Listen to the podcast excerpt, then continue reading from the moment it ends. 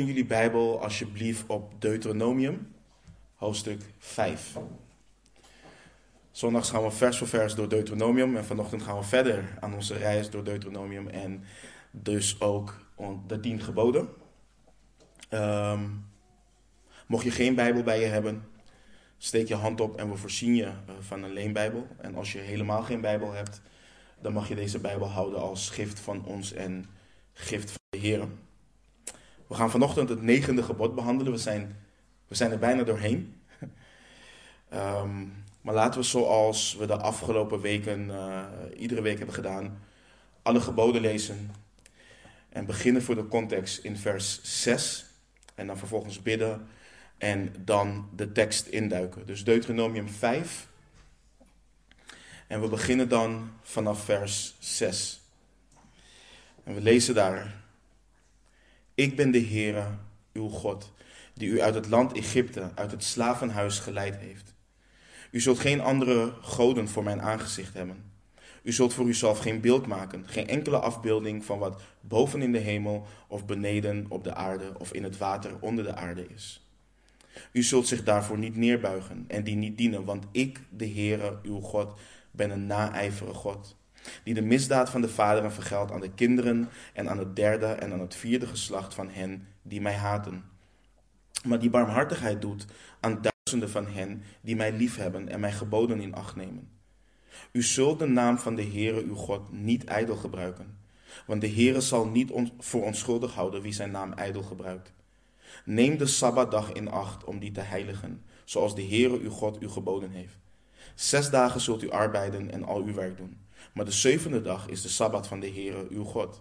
Dan zult u geen enkel werk doen, u, nog uw ezel, sorry, u, nog uw zoon, nog uw dochter, nog uw dienaar, nog uw dienares, nog uw rund, nog uw ezel, nog enig vee van u, nog uw vreemdeling die binnen uw poorten is, opdat uw dienaar en uw dienares rusten zoals u. Want u zult in gedachten houden dat u slaaf geweest bent in het land Egypte en dat de Heere uw God u vandaar uitgeleid heeft met sterke hand en uitgestrekte arm. Daarom heeft de Heere uw God u geboden de dag van de Sabbat te houden. Eer uw vader en uw moeder, zoals de Heere uw God u geboden heeft, opdat uw dagen verlengd worden en opdat het u goed gaat in het land dat de Heere uw God u geeft. U zult niet doodslaan en u zult geen overspel plegen en u zult niet stelen en u zult geen vals getuigenis spreken tegen uw naaste. En u zult niet begeren de vrouw van uw naaste. U zult uw zinnen niet zetten op het huis van uw naaste, noch op zijn akker, noch op zijn dienaar, noch op zijn dienares, noch op zijn rund, noch op zijn ezel, noch op iets wat van uw naaste is.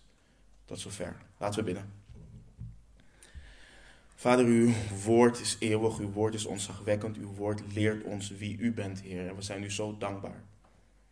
En we bidden, Heer, dat u ons verlichte ogen van ons verstand geeft. We bidden, Heer, dat u ons transformeert, dat u ons bekering schenkt. Dat u ons ontzag voor u geeft, Heer. Spreek alstublieft tot ons. Open onze ogen nogmaals, Heer. En geef ons een ontvankelijk hart. In de naam van onze Heer Jezus Christus bidden we. Amen. Wanneer het gaat om het gebod wat we vanochtend behandelen, wordt er vaak naar verwezen als gij zult niet liegen. En alhoewel dit gebod dat ook omvat, gaat dit gebod verder dan alleen niet liegen. Uh, in de historische en culturele context wordt hier gesproken in de, in de context van een rechtszaak. En we gaan hier, wanneer we verder gaan in Deuteronomium, ook nog dieper op in. Maar dit gaat om een vals getuigenis in een rechtszaak waardoor een ander of schuldig of onschuldig uh, verklaard wordt. En wat belangrijk is om te onthouden als het gaat om dit gebod, is de heiligheid van waarheid in Gods ogen. De onschendbaarheid van waarheid. Wanneer we dit gebod zo ontleden, dan zul je uiteindelijk zien dat het neerkomt op dat wat niet waar is, simpelweg een leugen is. En we zullen zien wat voor gevolgen dit heeft, dus ook op onze naasten, op onze samenleving en onze relatie met de waarachtige God. En wat interessant is, is dat hier van naasten wordt gesproken. En dat is iets wat we goed moeten definiëren. De, mis, de misvatting bestaat en bestond al dat ik tegen mijn broeders en mijn zusters de waarheid spreek. Want dat zijn immers mijn broeders en mijn zusters. Dat zijn mijn naasten, maar buiten die kring, dan maakt het niet heel veel uit. Maar in Lucas 10, vanaf vers 25 tot met 37, dat gaan we vandaag niet lezen, maar schrijf het op zodat je het zelf ook kan lezen. Laat de Heer Jezus zien dat we aan allen goed moeten doen. En dat eigenlijk allen onze naasten zijn. Dus dit gebod geldt in iedere relatie en in iedere interactie die we hebben met anderen. En we kunnen onszelf afvragen waarom het nodig was om een gebod te geven over onder anderen, niet liegen, over onder anderen de waarheid spreken. Waarom moeten mensen aangespoord worden om de waarheid te spreken? Iedereen weet immers dat liegen fout is. Waar je ook ter wereld komt, liegen is overal en altijd fout. Zelfs een pathologische leugenaar is bereid om toe te geven dat wat hij of zij doet, dat het gewoon niet goed is. Maar wat we moeten begrijpen is het volgende, wat de Bijbel ons leert. Mensen zijn gevallen zondaars. God spreekt hier tot gevallen mensen. En omdat mensen gevallen zondaars zijn, neigt het hart van de mens naar het vertellen van wat niet waar is over anderen, over God en of over hunzelf om hun eigen positie te bevorderen ten koste van anderen. En wat we goed moeten begrijpen, we hebben nu inmiddels al een aantal geboden behandeld. In relatie, dus waar het gaat over onze relatie met onze naasten. En wat we altijd goed moeten begrijpen is het volgende. Het is niet het breken van dit gebod wat ons verloren maakt. Het is niet het breken van deze geboden wat ons verloren maakt. Het is omdat we gevallen en al als het, als het ware verloren zijn, totdat God ons nieuw leven geeft, maken we ons schuldig aan deze geboden. Dat is de reden waarom we ons schuldig maken aan, ons, aan deze geboden. Het is niet dat het liegen een mens een zondaar maakt. Het is dat mensen zondaar zijn en daarom liegen mensen. Dat is het ding. Het is omdat mensen zondaar zijn, daarom eren mensen hun vader en hun moeder niet. Het is omdat mensen zondaar zijn dat ze overspel plegen. Dat ze stelen. En we hebben het dus diep en diep nodig om te beseffen dat dit iets is wat in ons hart leeft. Let op wat er staat over de gevallen mens in Romeinen 3, versen 13 en 14. In relatie tot het gebod wat we vandaag behandelen. De apostel Paulus schrijft: Hun keel is een open graf. Met hun tong plegen zij bedrog. Addergif is onder hun lippen. Hun mond is vol vervloeking en bitterheid. En velen vinden dit wat Paulus hier schrijft. Heel veel mensen hebben moeite met Romeinen 3. Heel veel, zelfs christenen, beleidende discipelen, hebben moeite met Romeinen 3. Mensen vinden dit ongenuanceerd, liefdeloos. Hoe kun je zo over mensen schrijven? Hoe kun je zo over mensen denken? Maar Paulus heeft dit niet verzonnen. Paulus citeert simpelweg wat er in Psalm 5 staat, in Psalm 10 en in Psalm 140. Hij citeert wat er al eerder is gezegd. Dit is de staat van de gevallen mens. En niet alleen van politici, niet alleen van verkopers, niet alleen van marketeers of nogmaals die pathologische leugenaar. Want mensen hebben er namelijk een handje van. En ik deed dit ook voordat ik tot bekering kwam, voordat ik mijn eigen zondige staat ging inzien. Maar men houdt ervan om te zeggen, dat is die echte zondaar. Dat is die echte leugenaar, dat is die echte crimineel. Die man of die vrouw daar in het nieuws. Maar de hun, waar Paulus hier naar refereert in Romeinen 3:13, zijn de mensen waarover hij spreekt vanaf vers 10 in Romeinen 3. En dan staat het volgende. Zoals geschreven staat, er is niemand rechtvaardig. Ook niet één. Er is niemand die verstandig is. Er is niemand die God zoekt. Allen zijn zij afgedwaald. Samen zijn zij nutteloos geworden. Er is niemand die goed doet. Er is zelfs niet één. Of wat hij schrijft verderop in Romeinen 3, vers 23. We, we merken inmiddels waarom mensen ook moeite hebben met dit hoofdstuk.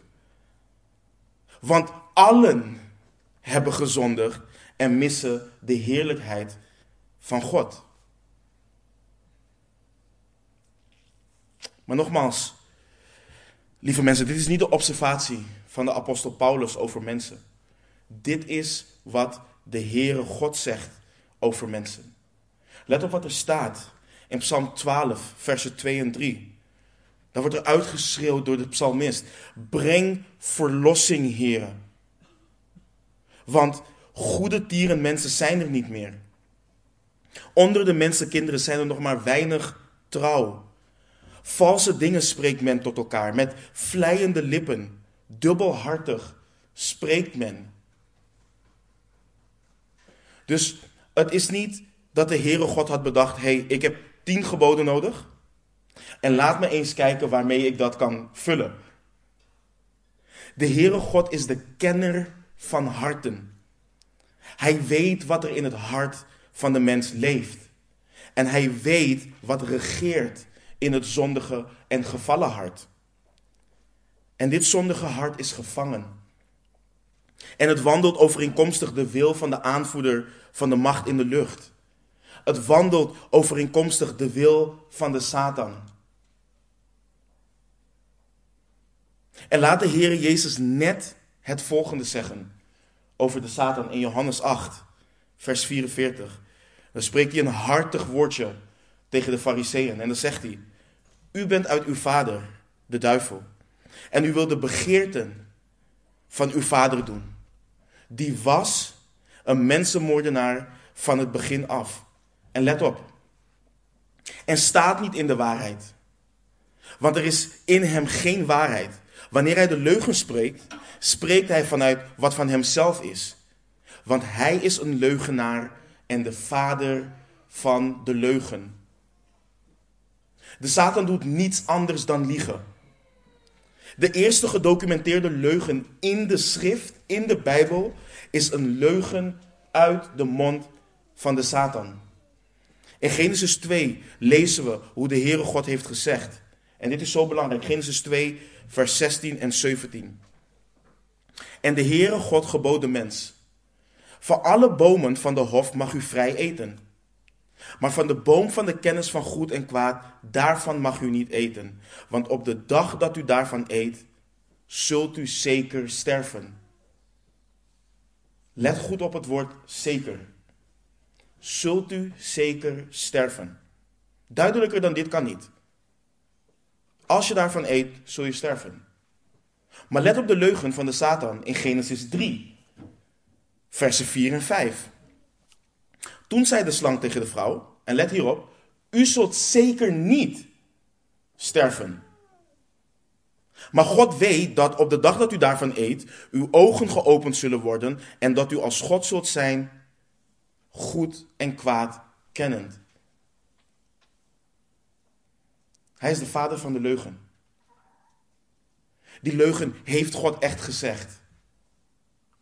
Dit is wat de Satan doet sinds het begin en dat is wat hij vandaag de dag nog steeds doet.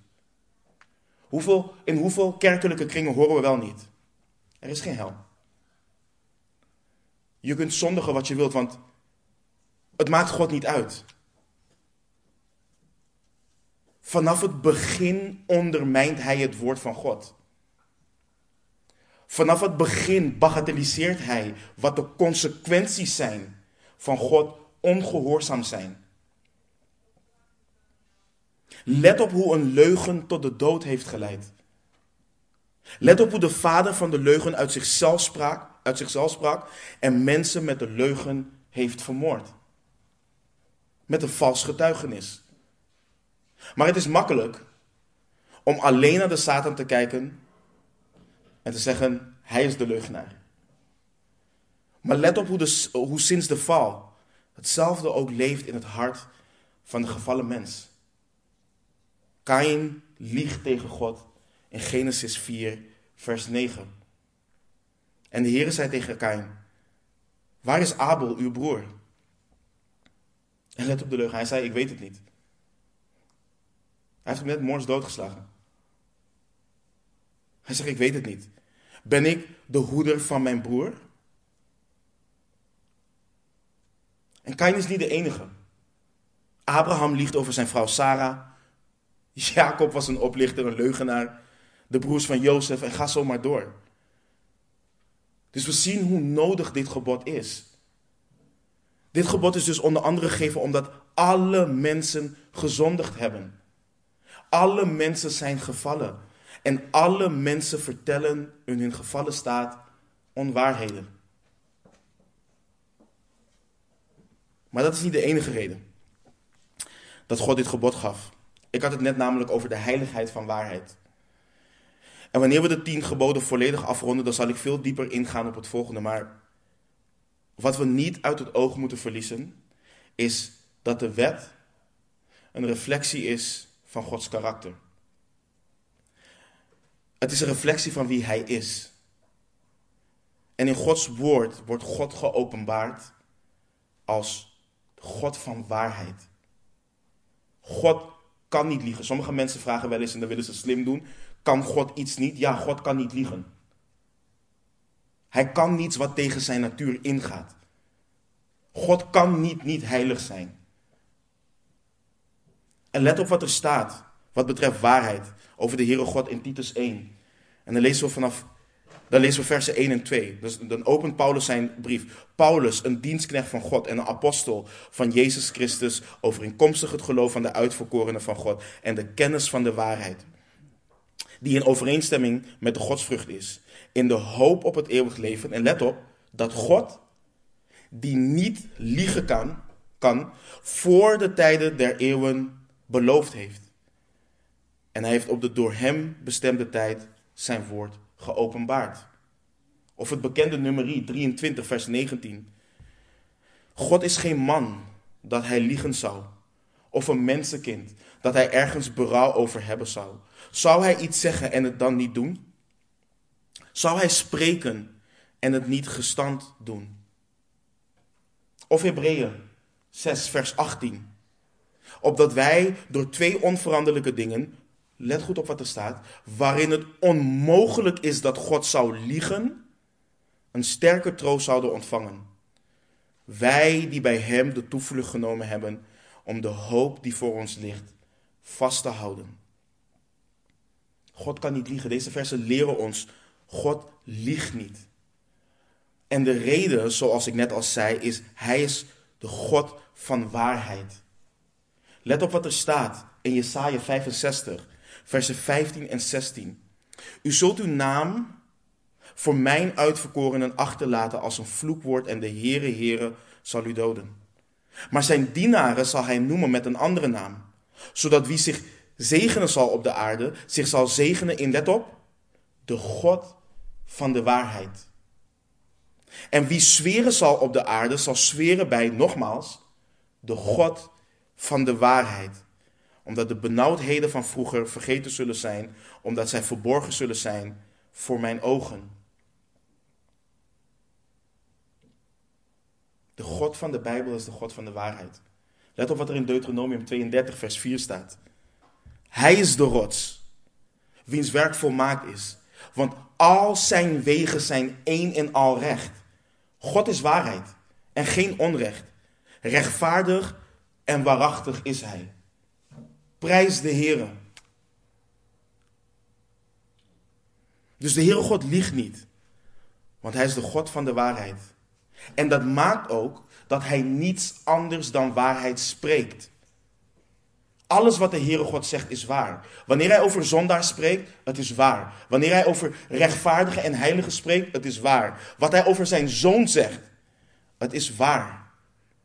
Alles wat God zegt is waar. Wanneer de Heere Jezus bidt en vraagt om zijn discipelen te heiligen, in Johannes 17, vers 17 zegt hij: Heilig hen door uw waarheid. Uw woord is de waarheid. In Psalm 119, waar we met de broeders momenteel doorheen gaan, in vers 142, schrijft de psalmist. Uw gerechtigheid is een gerechtigheid voor eeuwig. En uw wet is waarachtig.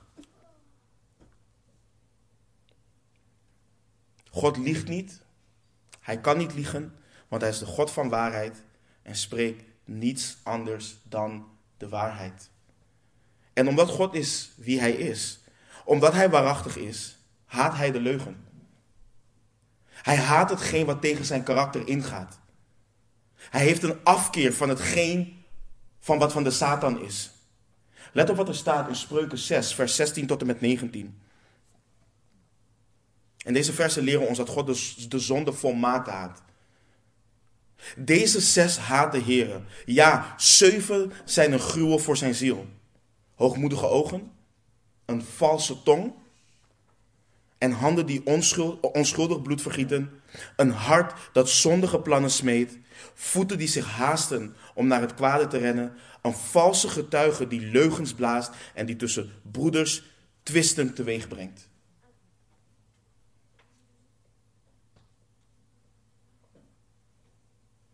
Let op wat er staat in Spreuken 12, vers 22. Valse lippen zijn voor de Heer een gruwel, maar wie betrouwbaar handelen, zijn hem welgevallig. God haat de leugen. En mensen houden er niet van om te spreken in de vorm van het feit dat God iets haat. Maar het gaat er niet om waar wij van houden. Het gaat erom wat heeft God geopenbaard in zijn woord. Wat wilt God? En de leugen is een gruwel in zijn ogen, want het gaat regelrecht in tegen wie hij is. Het kenmerkt niet wie hij is. Maar het kenmerkt juist de vader van de leugen, de Satan. En daarnaast gaat het ook in tegen het tweede grote gebod om je naaste lief te hebben zoals jezelf. Liegen laat een gebrek zien aan liefde. Het laat zien dat je de persoon die je tegenover je hebt niet genoeg lief hebt om de waarheid te spreken tegen hem of haar. Het laat zien dat er een gebrek is aan liefde van God die regeert in ons hart. Want liegen schaadt onze naaste. Het is destructief. Het bemoedigt niet en het bouwt niet op. Liegen maakt kapot. Let op wat Spreuken 25, vers 18 schrijft. Zoals een strijdhamer, een zwaard en een scherpe bijl. Zo is iemand die tegen zijn naaste een vals getuigenis aflegt.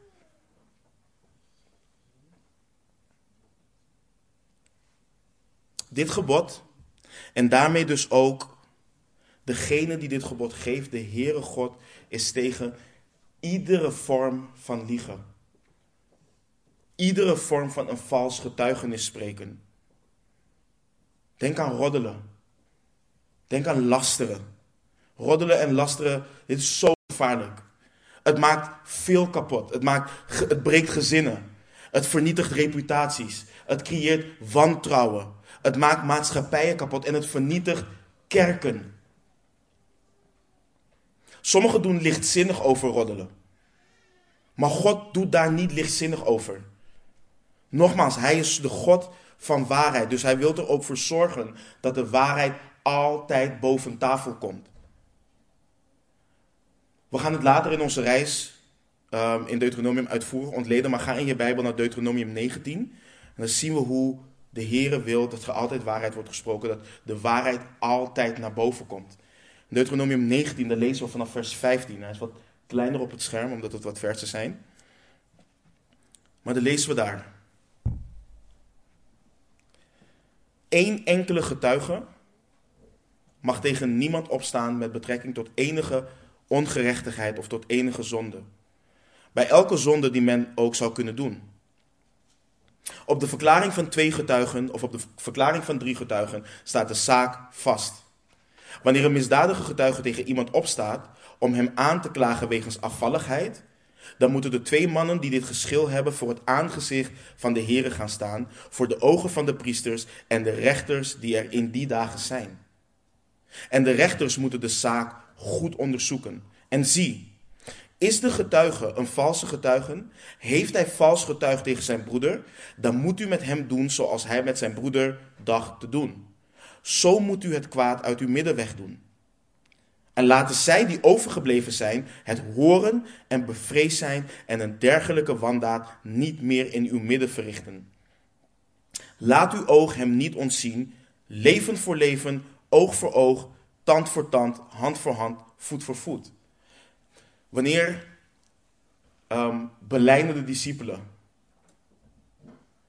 die vinden dat de God van het Oude Testament een boeman is, hij is altijd boos, hij oordeelt altijd, of wanneer ongelovigen kijken naar de God van het Oude Testament, wat ze, hier, wat ze hieruit halen is het volgende. Dan moet u doen met hem zoals hij met zijn broeder dacht te doen. Dat is het enige.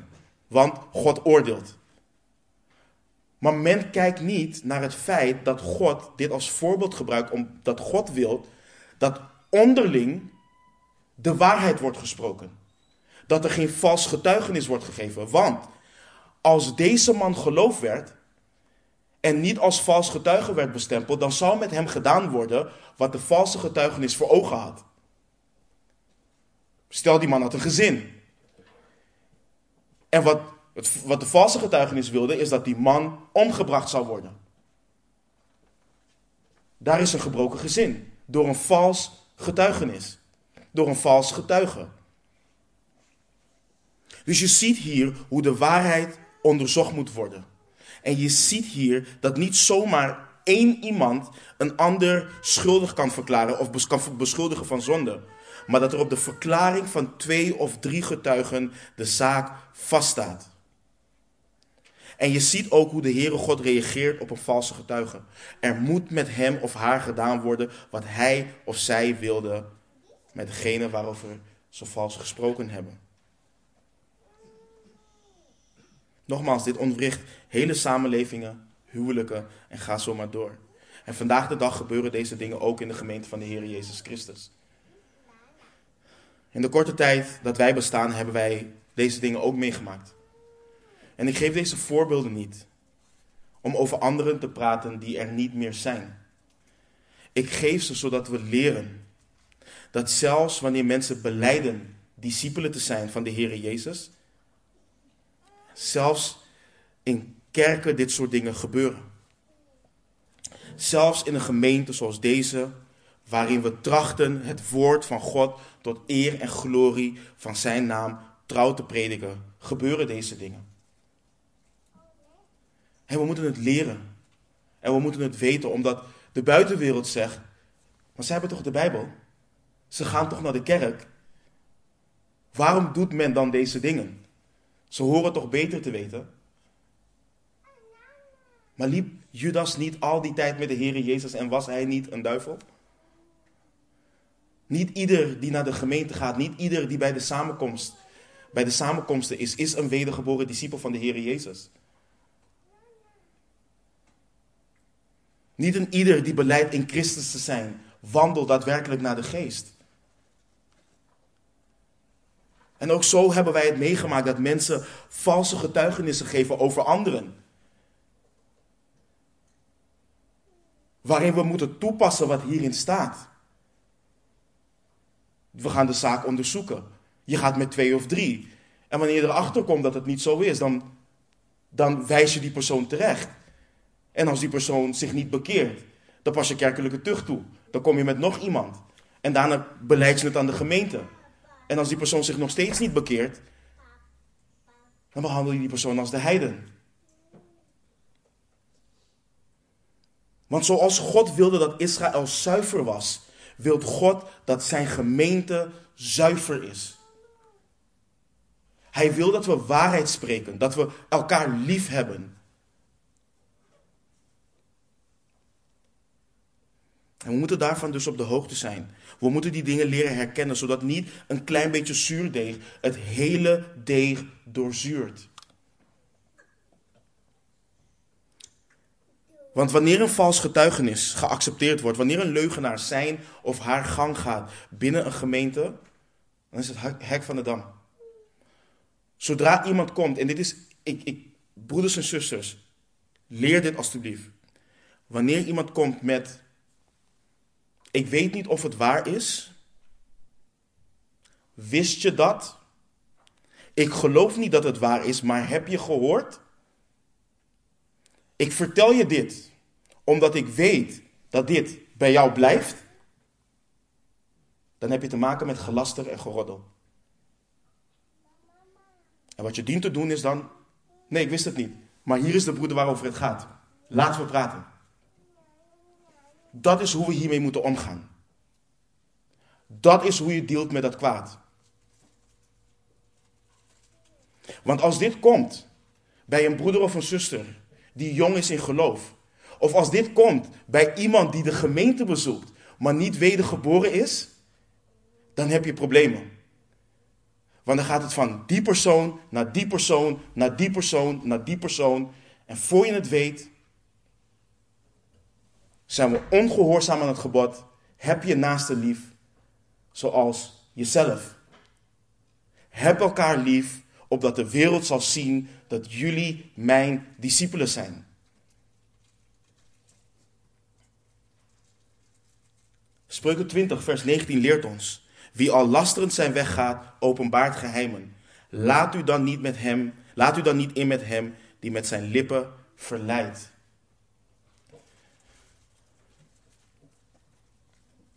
Ik heb het vaak gezien ook, opzieners, leiders in de gemeente, zijn vaak het doelwit van een vals getuigenis. Vooropgesteld, opzieners zijn niet onfeilbaar. Dus het houdt niet in dat ieder getuigenis over een opziener per definitie een vals getuigenis is. Maar zij die het woord van God brengen, staan onder vuur. Ze bevinden zich op de radar van de Satan en zijn demonen. Lees de tweede brief van de Corinthiërs en je ziet hoe de apostel Paulus hiermee te maken had. Lees 3 Johannes en je ziet hoe de apostel Johannes hiermee te maken had. En daarom schrijft de apostel Paulus ook aan Timotheus in 1 Timotheus 5 vers 19. Neem tegen een ouderling geen beschuldiging aan, tenzij er twee of drie getuigen zijn. En nogmaals, dit vers leert ons niet dat een ouderling niet beschuldigd kan worden en boven de rest staat. Er staat wanneer en hoe er met de beschuldigingen om moet worden gegaan. Want in vers 20 lezen we dat wanneer ze schuldig bevonden zijn, hoe ze terechtgewezen dienen te worden. Maar we zien dus liegen, een vals getuigenis spreken. Het is schadelijk. Het is misleidend. Het buigt het recht. Het staat haaks op wie God is. Hoe hij is en wat hij wilt. En misschien denk je, ja maar Joe, ik snap dat een leugen wat een ander echt schaadt, een zonde is. Ik snap dat dat erg is. Maar hoe zit het met een leugen om bestwil?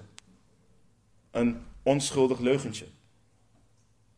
Of deze, deze is goud in onze maatschappij. Een leugen om de ander te beschermen. Laat het gebod weer lezen. En u zult geen vals getuigenis spreken tegen uw naaste. Nogmaals, dit gebod omvat iedere vorm van leugen. Iedere vorm. En laten we beginnen met het feit dat er niet iets bestaat als een leugen om bestwil. Een leugen is altijd schadelijk. En ik wil even wat citeren wat ik tegengekomen ben over een leugen om bestwil. Dit is hoe de seculiere wereld hier naar kijkt. Komt van een psycholoog of een. Uh, ik, ik weet niet wat deze man is, maar ik zal het citeren. Ik citeer. Een leugen om bestwil ontziet de ander en de goede verstaander begrijpt dat voor de boodschapper de relatie belangrijker is dan de waarheid. De leugen om bestwil wijkt doelbewust van de waarheid af. De handeling verwijst naar een parallele werkelijkheid in de zin dat de absolute waarheid wijkt voor de relatie. De leugen om bestwil moet simpel, eenvoudig, enigszins clichématig zijn. Het leugentje vraagt niet om overdrijving. En de ultieme test van de leugen om bestwil is als de waarheid van de leugen uitkomt en het onderlinge vertrouwen niet geschaad blijkt eventueel zelfs versterkt is. Liegen en bedrog vallen beslist niet onder leugen om bestwil. Immers, als dan de leugen zich openbaart, is de ander kwaad gedaan en mogelijk beschadigd. Einde citaat. Wee hen die het kwade goed noemen. Dat is wat de Heere God zegt. Een paar dingen. Zonde wordt niet bepaald aan de hand van hoe schadelijk iets wel of niet is op een bepaald moment. Wat zonde is, wordt bepaald door de Heere God. En wat bijzonder is aan deze gedachtegang, in deze gedachtegang staat de mens centraal en gaat men ervan uit dat de mens de ultieme realiteit is. En daarnaast bepaalt de mens met deze gedachtegang zelf wat goed of fout is. De mens bepaalt zelf wel wat niet of wat wel schadelijk is. Maar wij die uit God geboren zijn, erkennen echter dat God centraal staat. Wat hij denkt, wat hij vindt, wat hij wilt, staat centraal. Hij is de ultieme realiteit. Hij is de basis van iedere relatie. En God leert ons dat de leugen altijd een zonde is. Het is altijd schadelijk. Het doet altijd kwaad. Het is altijd bedrog. Wij als discipelen van de Heer Jezus dienen dit echt goed te beseffen. Wij volgen namelijk Hem na die heeft gezegd dat de waarheid vrij maakt. Hoe zouden we dan kunnen geloven in het concept van de leugen om bestwil of de leugen om een ander te beschermen?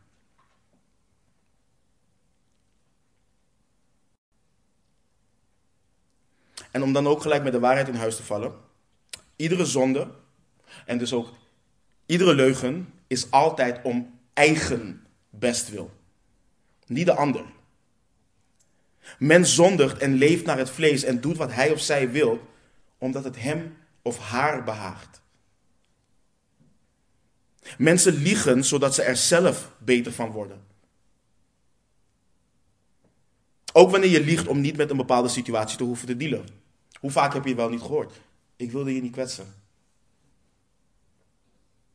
Nee, dat is niet waar. Men wil niet dealen met wat hun zonde heeft veroorzaakt. Dus men liegt en we zijn bang voor reacties, bang voor de consequenties. Maar wij als discipelen van de Heer Jezus, wij dienen in iedere situatie de waarheid te spreken. Zelfs wanneer het ons alles kan kosten. In Matthäus 10, vers 28 leren we. En wees niet bevreesd voor hen die het lichaam doden en die de ziel niet kunnen doden. Maar wees veel meer eh, bevreesd voor hem die zowel ziel als lichaam te gronden kan richten in de hel.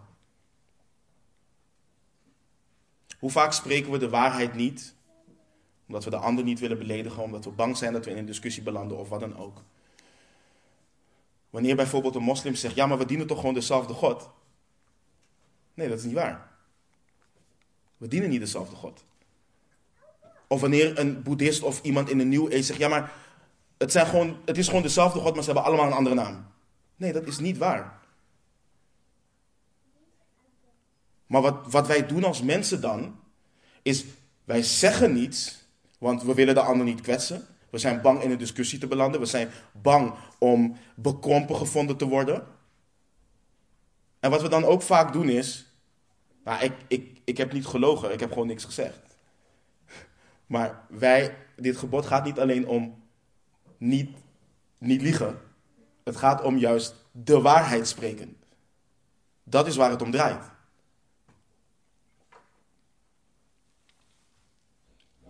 Wat we moeten beseffen is dat, kijk, in onze zondige natuur denken we dus en bedenken we manieren waarop we niet zouden liegen. En wat ik net ook al zei, we, we, doen dit in de wereld, doen we dit ook. Ik beroep me op mijn recht om te kunnen zwijgen. De wet hier op aarde mag dan wel zo ingericht zijn of ingeregeld zijn, maar de goddelijke wet niet. De goddelijke wet spoort ons aan om betrouwbaar te zijn. Dus wat als iemand je vraagt? En dat is een hele confronterende vraag voor ons. En ik weet dat heel veel discipelen hier moeite mee hebben. Maar wat als iemand je vraagt of hij of zij eeuwige verdoemenis ingaat als hij of zij niet in Jezus Christus gelooft voor de vergeving van zonde? Wat doe je dan? Wat zeg je dan? Dus we zien hier dat dit een enorm probleem is. De leugen is een enorm probleem. Bedrog is een enorm probleem. En het komt van binnenuit, zoals we vorige week ook hebben gelezen. De Heer Jezus zegt in Marcus 7, versen 20 tot en met 23. Wat uit de mens naar buiten komt, dat verontreinigt de mens. Want van binnenuit, uit het hart van de mensen, komen voort kwade overwegingen. Alle overspel, ontucht, moord, diefstal, hebzucht, allerlei kwaadaardigheid, bedrog, losbandigheid, afgunst, lastering, hoogmoed, dwaasheid. Al deze slechte dingen komen van binnenuit en verontreinigen de mens. Dus het komt van binnenuit. En een leugenaar zijn in het hart heeft eeuwige consequenties.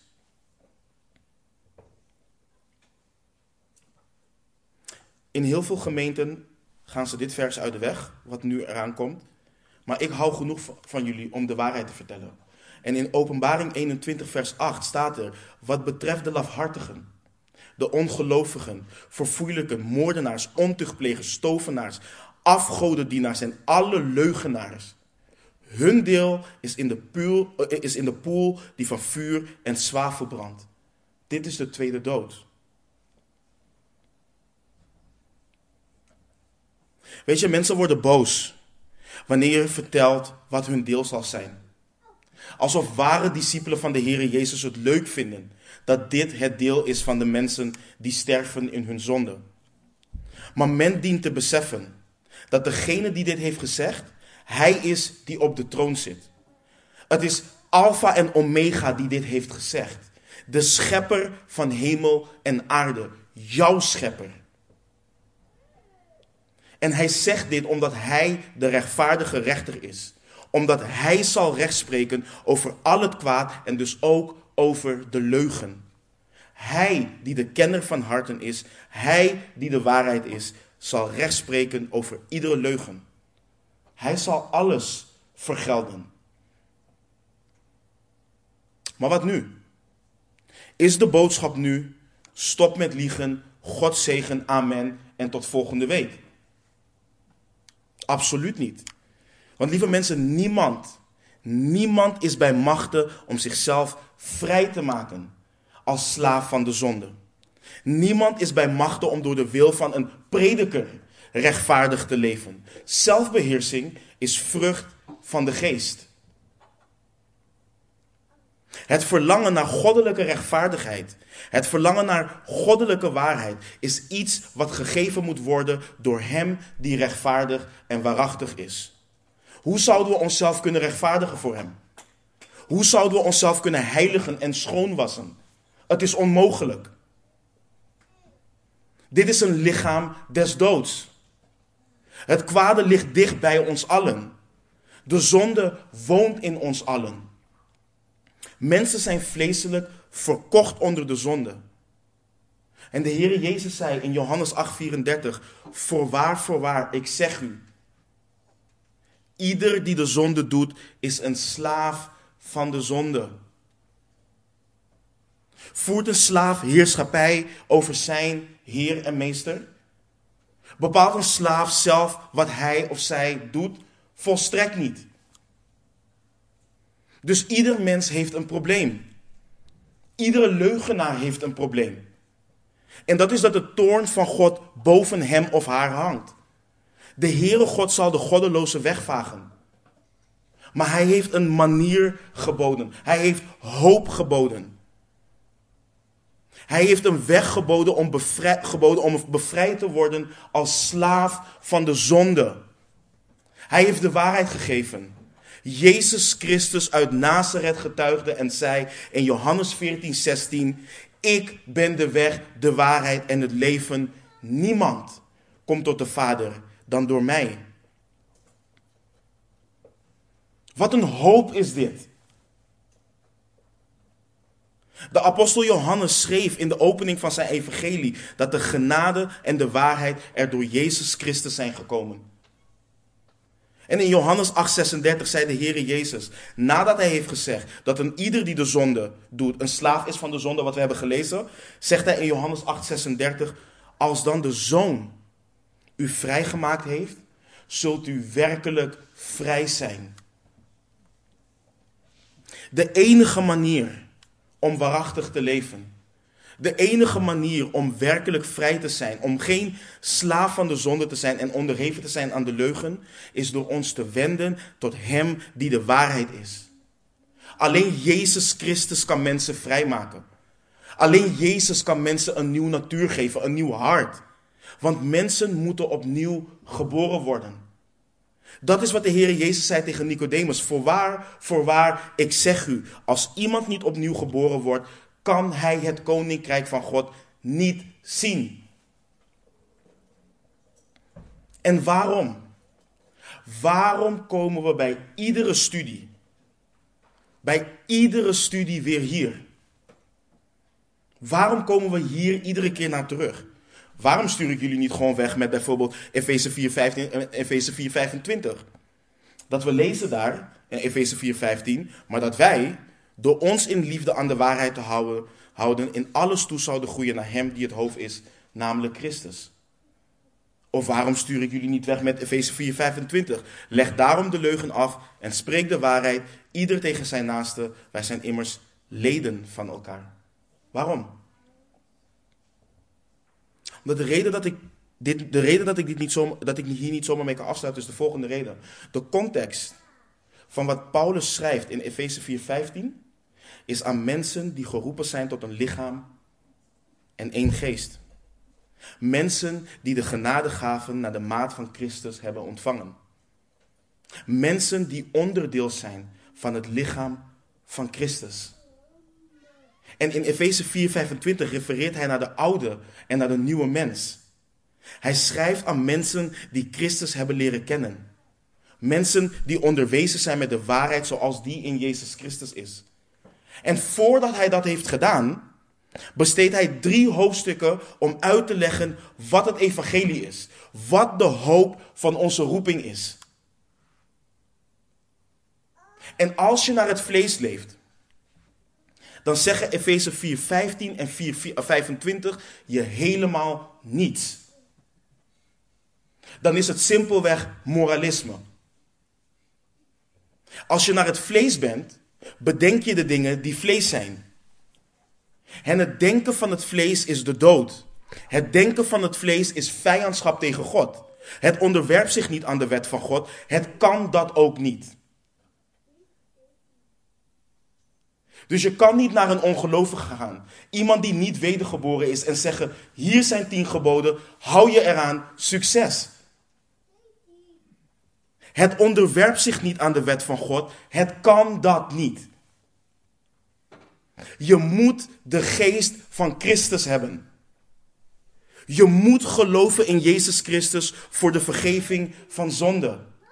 Je moet diep berouw hebben over jouw zondige staat en vrees hebben over het feit dat Gods toorn boven jou hangt. Dat wanneer je je laatste adem uitblaast, dat je voor Hem komt te staan die waarachtig zal oordelen.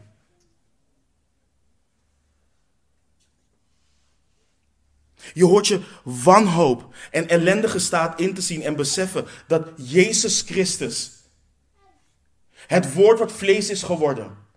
Het lam van God. Dat Hij jouw enige hoop is.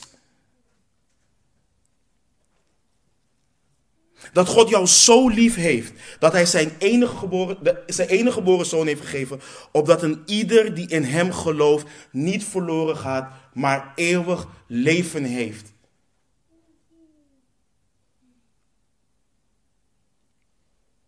De vader zond zijn zoon. En hij verbrijzelde hem aan het kruis. En het behaagde hem. Hij had zijn welbehagen aan, in het offer van Jezus Christus om leugenaars, overspelers, dronkaards, al die mensen vrij te kopen. Tot eeuwige glorie en hoop in zijn zoon. Dat is onze hoop. Als je dat niet beseft, als je dat niet aanneemt, loop je hier vandaag weg en lieg je voordat je het weet. Want niemand die naar het vlees leeft, heeft controle over zijn vlees. Maar als je de geest van Christus hebt, dan ben je je vlees niet verplicht. We hebben Christus nodig. Je hebt Christus nodig.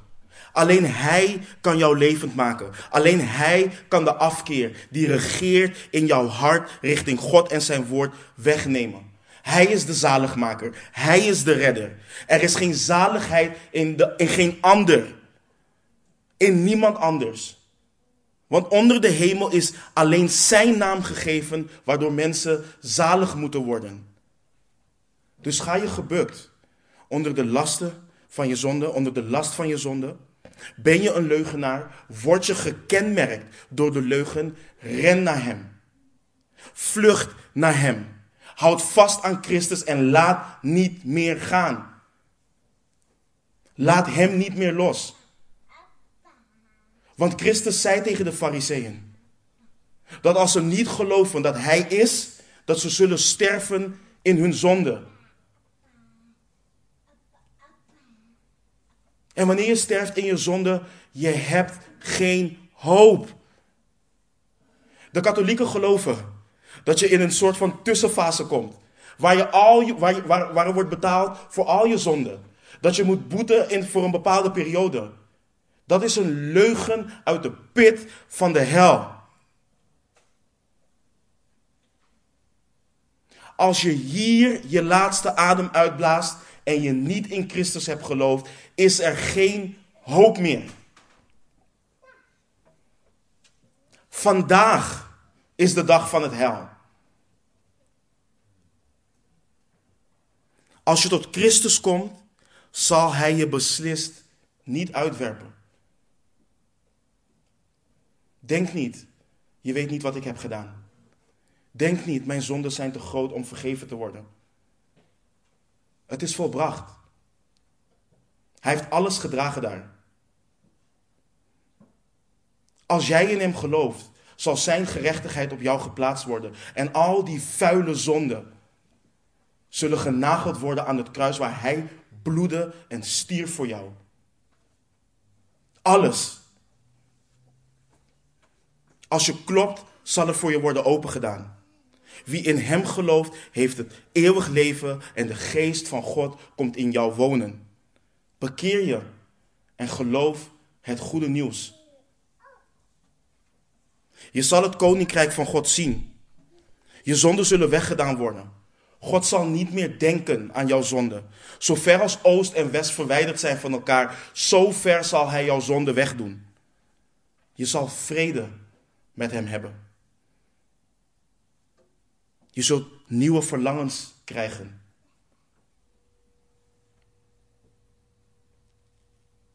Je zult de leugen haten, net zoals de Heere God de leugen haat. Je zult hongeren en dorsten naar de gerechtigheid. Je zult je verheugen in de waarheid. En nu, broeders en zusters, leg daarom de leugen af en spreek de waarheid. Ieder tegen zijn naaste. Wij zijn immers leden van elkaar. En ik spreek nu een ieder aan die onderdeel is van het lichaam. Een ieder die weet dat hij of zij uit God geboren is. Leg daarom de leugen af en spreek de waarheid. Ieder tegen zijn naaste. Wij zijn immers leden van elkaar. Dit vers gaat zo diep. Hoe vaak komen we als broeders en zusters niet naar elkaar toe? Hoe gaat het? Ja, goed. Maar ondertussen regeert er zonde in je leven. Ondertussen ben je verdrietig. Ondertussen ben je gebroken. Ondertussen heb je geen hoop. Maar we zeggen dat het goed gaat.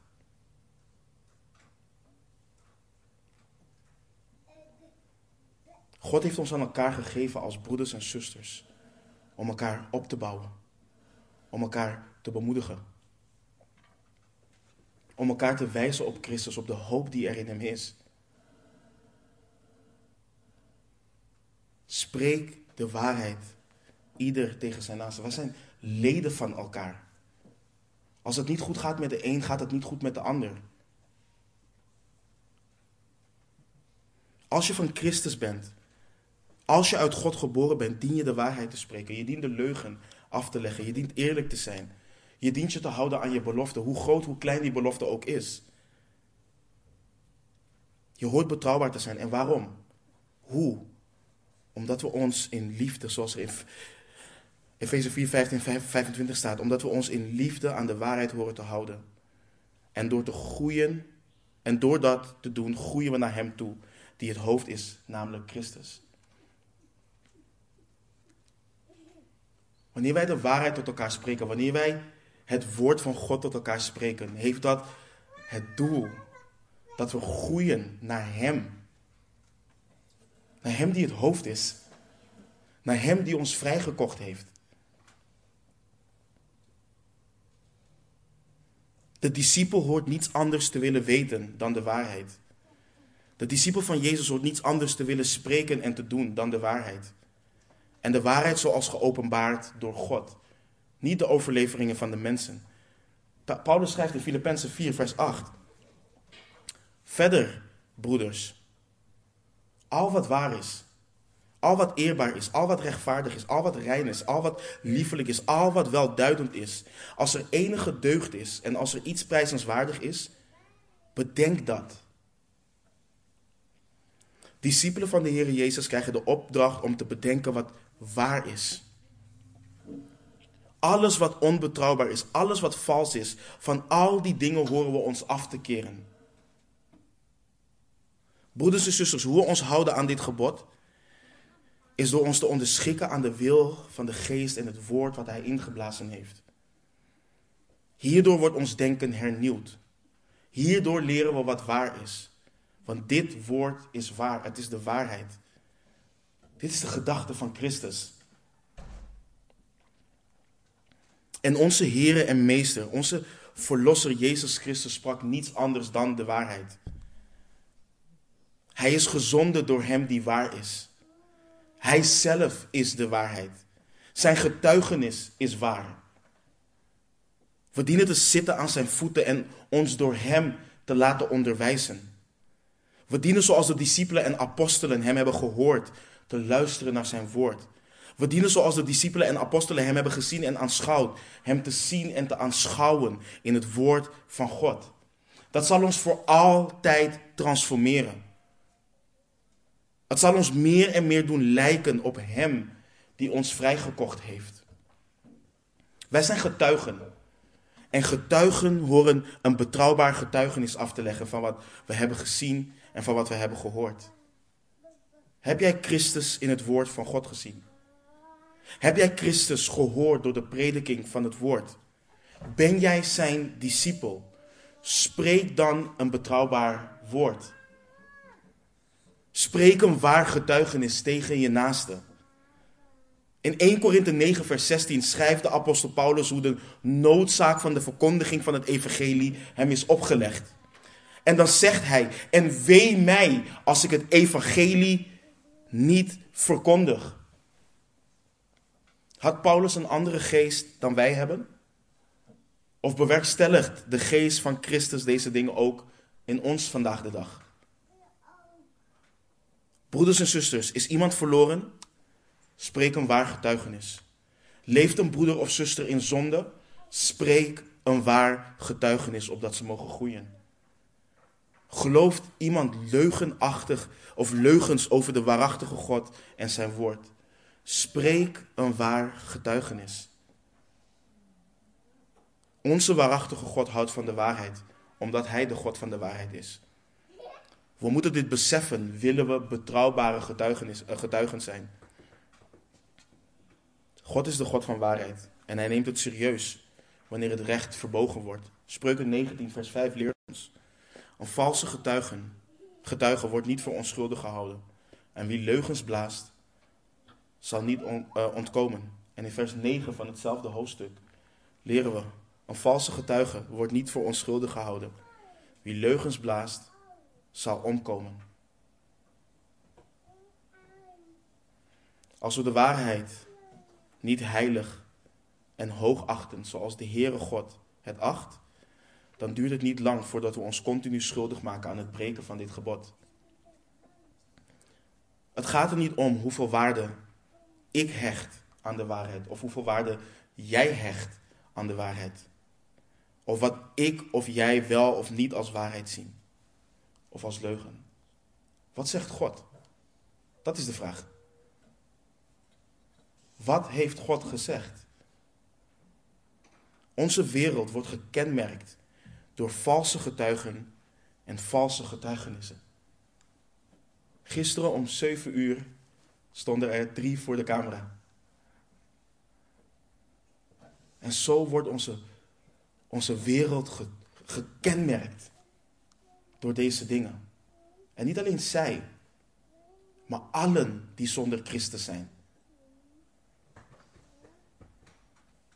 Maar discipelen van de Heer Jezus zijn niet van de wereld.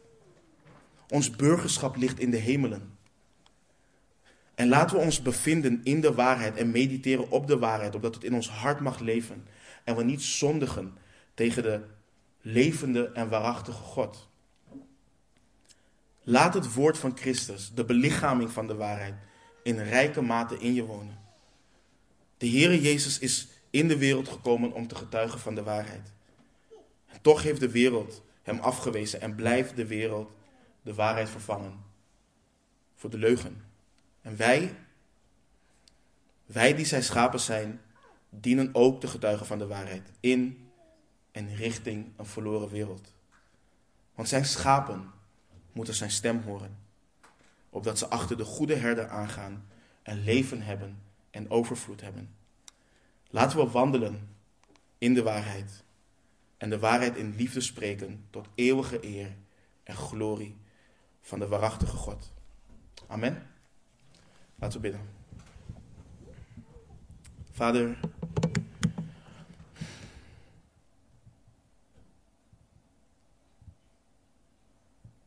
Heer, alleen U bent bij machten om ons te redden. En U bent bij machten om ons compleet te transformeren.